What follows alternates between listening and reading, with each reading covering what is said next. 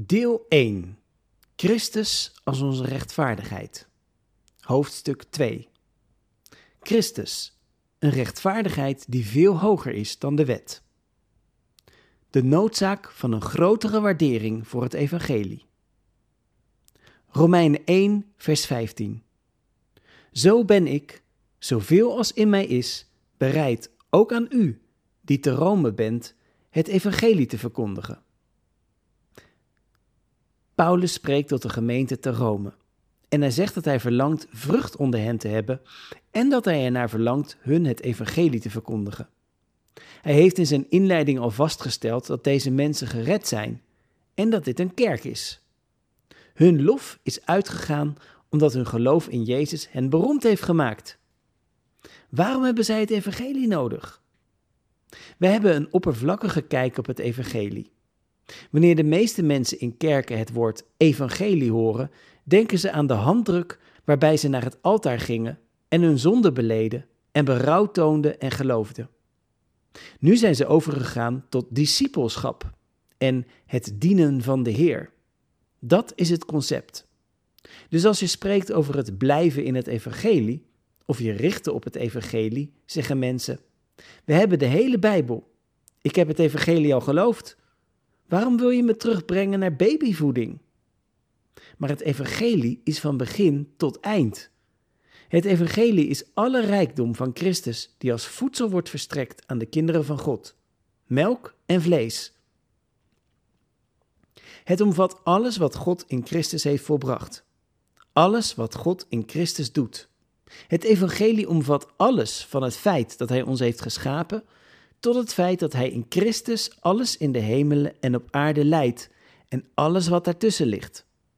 Alles wat te maken heeft met het proces en alle rollen die Christus vervult om Gods eeuwige doel uit te voeren, vallen onder de paraplu van het evangelie. Er is ook een onderscheid tussen de wet en het evangelie. De wet stelt de eis aan u, maar het evangelie toont u dat Christus de verantwoordelijkheid heeft. De wet eist van u maar het evangelie legt de eis op Christus en neemt die van u over. Er is dus een onderscheid in het woord tussen wat wet en wat evangelie is. Niet alles in de Bijbel is evangelie. De gereformeerde Calvinisten zullen zeggen dat het evangelie een raster is en dat elk gebied van je leven bestrijkt en al die dingen omvat die wet blijken te zijn.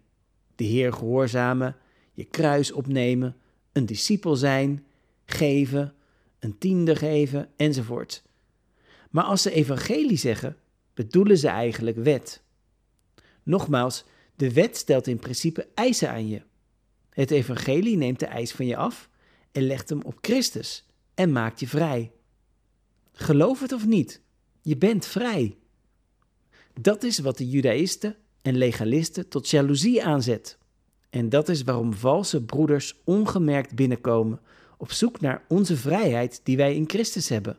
Gelaten 2, vers 4. Die zij niet begrijpen.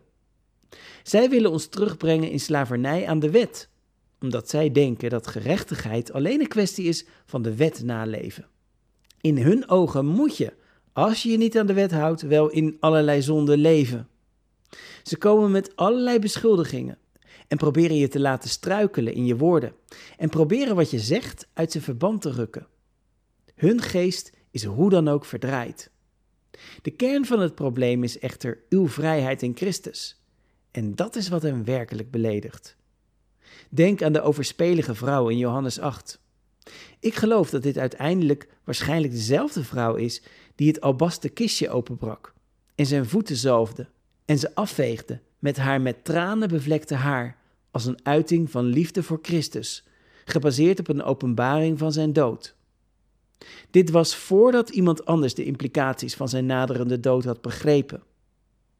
Jezus zei dat zij hem zalfde voor zijn begrafenis. Matthäus 26, vers 12. Zij had veel lief, omdat haar veel was vergeven. Lucas 7, vers 47. Er werd niets van haar verlangd. Er werd haar niets gevraagd. Ze verheugde zich omdat ze zoveel hield van haar heiland die haar bevrijdde. Dat beledigde de Fariseeën. Dat beledigde Judas. De Fariseeën zeiden: Als ze wisten wie deze vrouw was en haar achtergrond. En hij zei: Zij heeft veel lief, omdat haar veel is vergeven. Lucas 7, vers 47. Judas zei: Nou, dat geld had ook gebruikt kunnen worden voor de armen. Johannes 12, vers 5. Legalisten proberen altijd wat pure liefde voor de Heer is te verdraaien en proberen er iets zondigs en grofs van te maken. De overspelige vrouw had vrijheid in Christus aanwezigheid. Zij kon haar angst voor wat de mensen dachten van zich afwerpen en decorum en al hun regels verwaarlozen om haar waardering voor hem te tonen. Dit werd beledigend voor hen. Dit was gebaseerd op haar besef van wie hij is, wat in het evangelie wordt geopenbaard.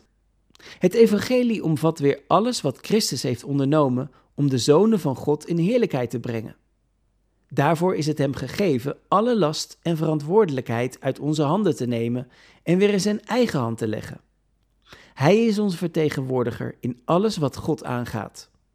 Daarom heeft hij al die titels gekregen, zoals de laatste Adam, het zaad van de vrouw, het zaad van Abraham, het zaad van David, de hoge priester en apostel van onze beleidenis, de kapitein van ons heil en de goede herder. Alles draait om Christus. En we hebben het over het evangelie van zijn zoon. Dit evangelie is opnieuw van tevoren beloofd in de profeten over de zoon van God, Jezus Christus, onze Heer, gemaakt uit het zaad van David naar het vlees en verklaard als zoon van God, met kracht naar de geest der heiligheid door de opstanding uit de doden. Romeinen 1, vers 1 tot 4. Dit evangelie gaat niet over jou. Het gaat over Jezus Christus. Pas op voor mensen die proberen het over jou te laten gaan. Zij proberen u in slavernij te brengen. De ultieme vrijheid, zoals we zullen zien in Romeinen 6 en 7, is om dood te zijn met Christus, zodat het niet langer over mij kan gaan. De enige die verplicht is hierin te leven is Christus. En hij heeft zichzelf voor mij gegeven. Zoals Paulus zei: Voor mij leeft Christus. De manier waarop hij geleefd wordt is door geloof. Het geloof zegt: Ik kan niets doen. Hij moet alles doen. Dat is het evangelie. Het evangelie is veel groter dan alleen de handdruk. Door een gedetailleerde kennis van het evangelie en alles wat Christus is en heeft volbracht, kunnen we verlost worden van last naar last. Dit is waarom Paulus naar Rome wilde gaan, om hen in de waarheid te vestigen en het evangelie aan de kerk te verkondigen. Het evangelie is groter dan ons concept lijkt toe te laten. Geredde mensen hebben het evangelie nodig. Daarom heet mijn website christiansneedthegospel.com. Het evangelie als kracht van God tot redding. Citaat. Want ik schaam mij het evangelie van Christus niet, want het is de kracht Gods tot zaligheid voor een ieder die gelooft. Eerst voor de Jood en ook voor de Griek. Want daarin is de gerechtigheid Gods geopenbaard, van geloof tot geloof. Gelijk geschreven is: De rechtvaardige zal door het geloof leven. Het evangelie is de boodschap die de kracht van God is tot redding. 1 Corinthiërs 15, vers 1 tot 4 vat het samen dat Christus voor onze zonde is gestorven naar de schriften en uit de dood is opgestaan naar de schriften. Deze boodschap, zegt hij, redt u. Het is een eenvoudige boodschap, maar het is de kracht van God tot redding. Deze eenvoudige boodschap is een zaadje. Als dat zaadje eenmaal in je zit, groeit het en ontvouwt het zich en begin je te zien dat er zoveel meer is. Denk aan zijn dood. Begrijpen we echt de diepte? Wat betekent het dat hij stierf voor mijn zonde volgens de schriften? Wat zeggen de schriften over zijn dood? Wist u dat hij stierf als de laatste Adam en een einde maakte aan het oude Adamische mensenras? 1 Corinthiërs 15, vers 45. Wist u dat u met hem gekruisigd bent en dat zijn dood uw dood was? Romeinen 6, vers 6. Wist u dat hij in zijn dood het handschrift en de verordeningen die tegengesteld en tegen u waren, heeft afgeschaft? Colossensen 2, vers 14, Efeziërs 2, vers 15. Wist u dat zijn dood de besnijdenis van het vlees was en dat hij de oude mens en zijn natuurlijke kracht heeft weggedaan? Colossensen 2, vers 11, Filippenzen 3, vers 3. Wist u dat hij eens voor altijd stierf aan de eisen van de zonde en aan de eisen van de wet voor u? Romeinen 6, vers 11, Galaten 2, vers 19. Wist u dat hij Satan in zijn dood heeft uitgeschakeld en ons in zijn dood aan de wereld heeft gekruisigd? Hebreeën 2, vers 14, Galaten 6, vers 14. Wist je dat hij aan het kruis de nieuwe mens schiep? Wist je dat zijn dood een scheppingsdaad was? Efeziërs 2, vers 15. Wist je dat hij niet alleen het zondoffer is, maar ook het brandoffer?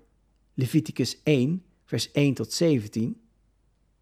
Wist u dat er een aspect van Christus dood was dat specifiek was voor de tevredenheid van de Vader als een zoete geur voor hem? Nummer 29, vers 2. Zodat hij aan de ene kant als de zondebok de woestijn inging om verbrand te worden voor onze zonde, Leviticus 16, vers 1 tot 34, maar aan de andere kant door zijn dood tot God kwam? Wij zeggen altijd dat God de zoon de rug toekeerde. Maar eigenlijk was God in Christus, in die dood, de wereld met zichzelf verzoenend. 2 Korintiërs 5, vers 19. In zekere zin was hij volgens het brandoffer dichter bij God dan wij ons kunnen voorstellen. En God glimlachte over zijn offer. Jesaja 53, vers 10. Het was een geur voor God, die nu vanuit ons binnenste brandt en God in ons doet verrukken, omdat wij een zoete geur van Christus voor God zijn. 2 Korintiërs 2, vers 14 en 15. Er is zoveel. Ik geef maar een paar voorbeelden dat het evangelie dieper gaat dan we dachten. Ja, hij stierf voor mijn zonde en stond op uit de dood voor mijn rechtvaardiging. Dat geloven redt mij. Maar dan zullen we in de eeuwigheid de implicaties ontdekken van zijn dood en opstanding en wat hij heeft bereikt. Het evangelie is eenvoudig, diepgaand en oneindig diep. Dit woord, de boodschap zelf, is de kracht. Een van de problemen met de Arminianen en hun opwekkingsbijeenkomsten is dat ze dit uiteindelijk niet geloofden. Zij dachten dat de kracht lag in het vermogen van de mens om voor God te kiezen. Zij trachten steeds meer opwindende en zoekervriendelijke bijeenkomsten te houden met meer vermaak, zodat de mensen in hun emoties konden worden opgezweept om opgewonden genoeg te worden om voor God te kiezen. Uiteindelijk ging het evangelie helemaal verloren en predikten ze een moralistisch soort therapeutische preek en vertelden ze dat ze een beter leven konden hebben als God er deel van uitmaakte. Mensen konden naar voren komen en ze joegen hen door het evangelie in gebed, waarbij ze dingen herhaalden als: Ja, ik geloof dat ik een zondaar ben. Ja, ik geloof dat Jezus voor mijn zonde is gestorven. En ik geef mijzelf aan u en ik heb spijt van al mijn zonden. Meestal is dat de eerste keer dat die persoon daar iets over hoort. Er worden dus valse bekeringen mee geproduceerd. Er zijn ook echte bekeringen, maar als we zouden begrijpen dat de kracht van de verlossing het vrijgeven van het woord van het evangelie is, zouden we veel meer aandacht besteden aan het geven van het woord en minder aan het proberen op te wekken van gevoelens van troost en opwinding. Het woord van het evangelie is de kracht van God tot redding. Het is het onomkoopbare zaad van het woord van God, dat leeft en blijft tot een eeuwigheid. 1 Petrus 1, vers 23. Het regenereert mensen tot een onvergankelijke en onverderfelijke erfenis. 1 Petrus 1, vers 4. Het maakt hen tot kinderen van God en het is Gods zaad.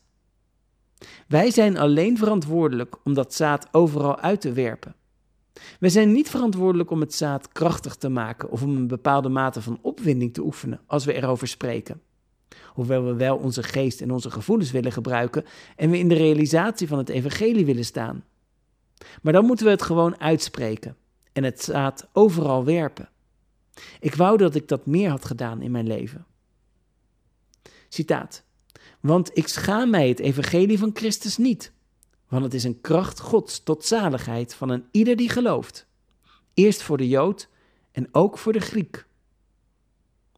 Later in Romeinen 15, vers 8 vertelt Paulus ons dat Christus kwam als dienaar van de besnijdenis om de belofte aan de vaderen te bevestigen. Dat was het koninkrijk. Bekeert u, want het koninkrijk is nabij. Hij ging eerst naar de Joden. Jezus zei: Ik ben gekomen voor de verloren schapen van het huis van Israël. Matthäus 15, vers 24. De woorden die hij tot hem predikte, zouden woorden zijn die zij begrepen. Hij bevestigde de belofte betreffende het koninkrijk, de belofte aan Abraham, Isaac, Jacob en David. Zij zochten naar deze belofte, maar de leiders verwierpen hun koning. Nu is het evangelie naar de heidenen gegaan. De Joden verwierpen het uiteindelijk als volk. Dus nu is de deur geopend voor de heidenen om het goede nieuws te ontvangen, met nog meer openbaring over de kerk. Joden en heidenen worden nog steeds gered, maar we worden allemaal leden van het lichaam van Christus. Er is een nieuwe groep ontstaan die nooit eerder bestond: de kerk. Later zullen we zien dat heel Israël ook gered zal worden en de belofte met betrekking tot het koninkrijk zal zien uitkomen. De rechtvaardigheid van God, onthuld in het evangelie. Citaat. Want daarin is de gerechtigheid Gods geopenbaard van geloof tot geloof. Gelijk geschreven is, de rechtvaardige zal door het geloof leven. Dit is de beroemde zin van Maarten Luther, die de Reformatie kenmerkte. De rechtvaardige zal door het geloof leven. Het is een citaat uit Habakkuk 2, vers 4. Het komt voor in Hebreeën 10, vers 38, Galaten 3, vers 11 en hier in Romeinen. Veel mensen denken dat de gerechtigheid van God geopenbaard wordt in de wet. Iemand probeerde me te vertellen dat er een wet in de hemel moest zijn geweest, anders zou Satan niet gevallen zijn. Het was duidelijk dat deze persoon rechtvaardigheid zag als een kwestie van het onderhouden van de wet. Maar de wet is eigenlijk om de zonde te ontmaskeren, zoals we zullen zien. De wet is een vergrootglas of een microscoop om ons te laten zien wat zonde is. Volgens Romeinen 5, vers 13 was de zonde al in de wereld voordat de wet er was. We hebben de wet niet nodig om een zondaar te zijn. We zijn zondaars omdat we tekort zijn geschoten in de heerlijkheid van God. Romeinen 3, vers 23. De standaard van gerechtigheid is hoger dan de wet. De wet zegt niet begeren en niet haten en niet moorden en niet stelen en geen overspel plegen. De wet beschrijft dat en kan worden samengevat in heb God lief en heb uw naaste lief. Maar Jezus ging in zijn liefde tot het uiterste om zelf zijn vijanden lief te hebben en hen met zich te verzoenen. En was bereid het spugen en bespotten te verdragen en het kruis te verdragen. Dat is een leven uit gerechtigheid dat zoveel hoger is dan wat de wet beschrijft. Het is dus het evangelie dat de gerechtigheid van God openbaart. Het evangelie beschrijft wie Christus is en wat God door Christus heeft gedaan. Het evangelie openbaart Christus en hij openbaart Gods gerechtigheid in zijn persoon. De gerechtigheid van God is hoger dan wat de wet beschrijft. De gerechtigheid van God is een persoon, Jezus Christus. Als je die persoon niet hebt, heb je geen gerechtigheid. Je kunt proberen de wet na te leven, maar het zou nog steeds niet genoeg zijn, zelfs als je dat zou kunnen, omdat je nooit zo ver zult gaan als God ging. Zoals we zullen zien, is de zonde van de mens dat hij tekort is geschoten in de heerlijkheid van God. Het is niet zo dat hij niet voldeed aan een opgeschreven norm die de wet wordt genoemd. Dat is slechts de schaduw. Waar wij in tekort schoten, is God zelf. De standaard van gerechtigheid is Gods eigen karakter. Dat kun je niet bereiken, zeker niet door je aan de wet te houden. Je moet God zelf als je leven en gerechtigheid hebben. En zo zal de rechtvaardige door het geloof leven. De gerechtigheid van God wordt in het evangelie geopenbaard van geloof tot geloof. De gerechtigheid wordt geopenbaard door het geloof, doordat wij het evangelie geloven. Vervolgens wordt de gerechtigheid geopenbaard in hoe Hij met ons omgaat door het geloof. De manier waarop God zijn gerechtigheid openbaart is volgens Romeinen 3 los van de wet. Romeinen 3, vers 21. De wet getuigde van de gerechtigheid van God, maar de gerechtigheid van God wordt los van de wet geopenbaard aan hen die in Jezus Christus geloven. Hij is onze gerechtigheid en wij ontvangen Hem door geloof in het Evangelie. De rechtvaardigen zullen leven door geloof. Geloof in wat? Het Evangelie en de gerechtigheid die het openbaart, namelijk Christus. Toen hij stierf aan het kruis en opstond uit de dood, vervulde hij alle gerechtigheid. Dit was niet alleen een kwestie van de wet naleven. Het was niet alleen dat hij een wet vervulde, daar ging het niet om. Hij ging tot het uiterste in Gods gerechtigheid en deed wat absolute gerechtigheid zou doen. Namelijk dat hij ons zo lief had dat hij ons niet zomaar in onze zonde wilde laten. Hij maakte het absolute reddende gebaar dat hem alles kostte. Het kostte hem zijn eigen leven. Hij moest ons een opzicht geven om tot hem te komen en verzoend te worden, ook al waren we vijanden. Dat is zo ver boven de gerechtigheid die iemand die zich aan de wet houdt zelfs maar kan bedenken, laat staan wij die kinderen van God zijn. We proberen er nog steeds achter te komen. Elke dag leer ik een beetje meer hoeveel God van me houdt. Zijn gerechtigheid en zijn liefde gaan samen. Zijn liefde wordt uitgedrukt in gerechtigheid en God beantwoordt de grote vragen in het universum. Hoe kan een rechtvaardige God zondaars vergeven? Hoe kan een liefhebbende God zondaars veroordelen? Hij beantwoordde deze vragen bij het kruis van Christus. Gods gerechtigheid wordt getoond aan het kruis van Christus. En die gerechtigheid is zoveel hoger dan alles wat jij kunt aanraken. Je moet gewoon alle pogingen laten vallen en naar Jezus rennen, zoals Paulus deed. Paulus zei: Ik had een gerechtigheid en ik was onberispelijk volgens de wet. Maar dat heb ik tot verlies gerekend, omwille van de uitnemendheid van de kennis van Christus Jezus, mijn Heer, voor wie ik alles verloren heb, en tot verlies reken, omdat ik in Christus gevonden zou worden, niet hebbende een eigen gerechtigheid uit de wet, maar die uit God en op grond van het geloof. Filippenzen 3, vers 6 tot 11. Wij willen Christus vinden als onze gerechtigheid en hem vasthouden als geloof en onze eigen gerechtigheid loslaten en verwerpen. We willen Christus hebben. Dat is de enige manier waarop we God kunnen behagen. Niets kan ook maar in de buurt komen van de manier waarop Jezus Christus de Vader behaagt. Dat is gerechtigheid. Dat is de standaard waarmee iedereen zal worden beoordeeld. Het evangelie is de openbaring van de gerechtigheid van God. Dit is zo krachtig. We zijn geneigd te denken aan de gerechtigheid van God als geopenbaard in de wet.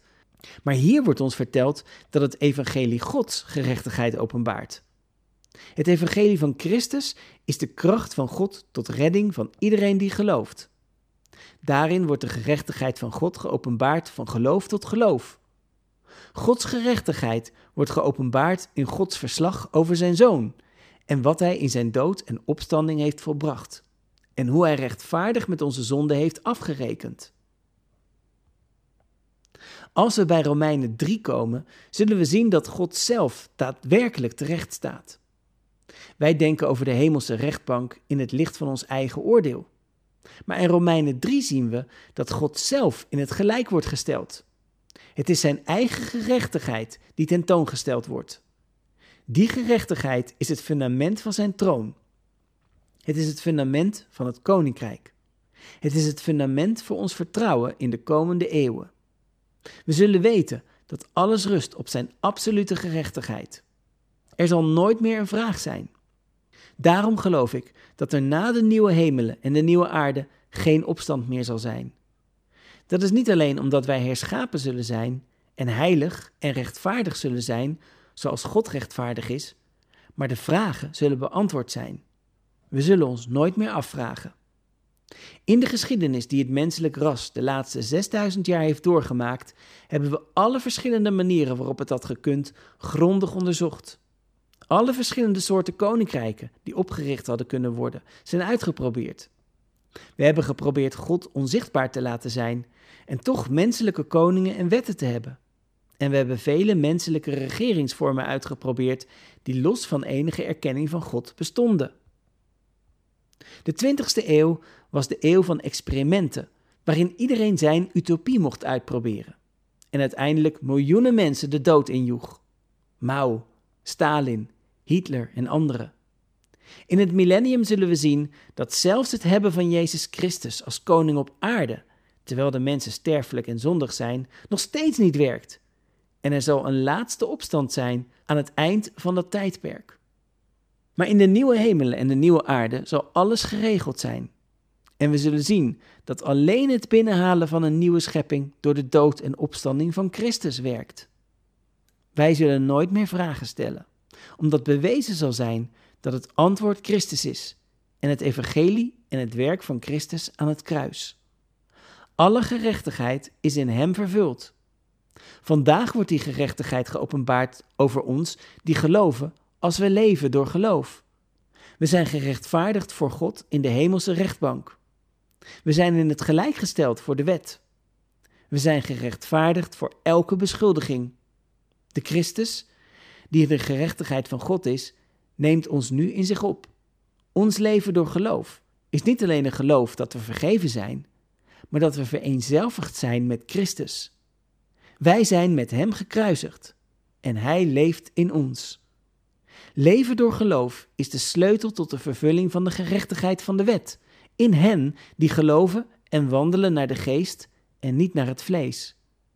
Ik loop vooruit en we zullen dit alles in toekomstige hoofdstukken behandelen. De gerechtigheid van God wordt geopenbaard in het evangelie. Dat is de beschrijving van wat God in Christus voor ons heeft gedaan. En wie Christus in ons is.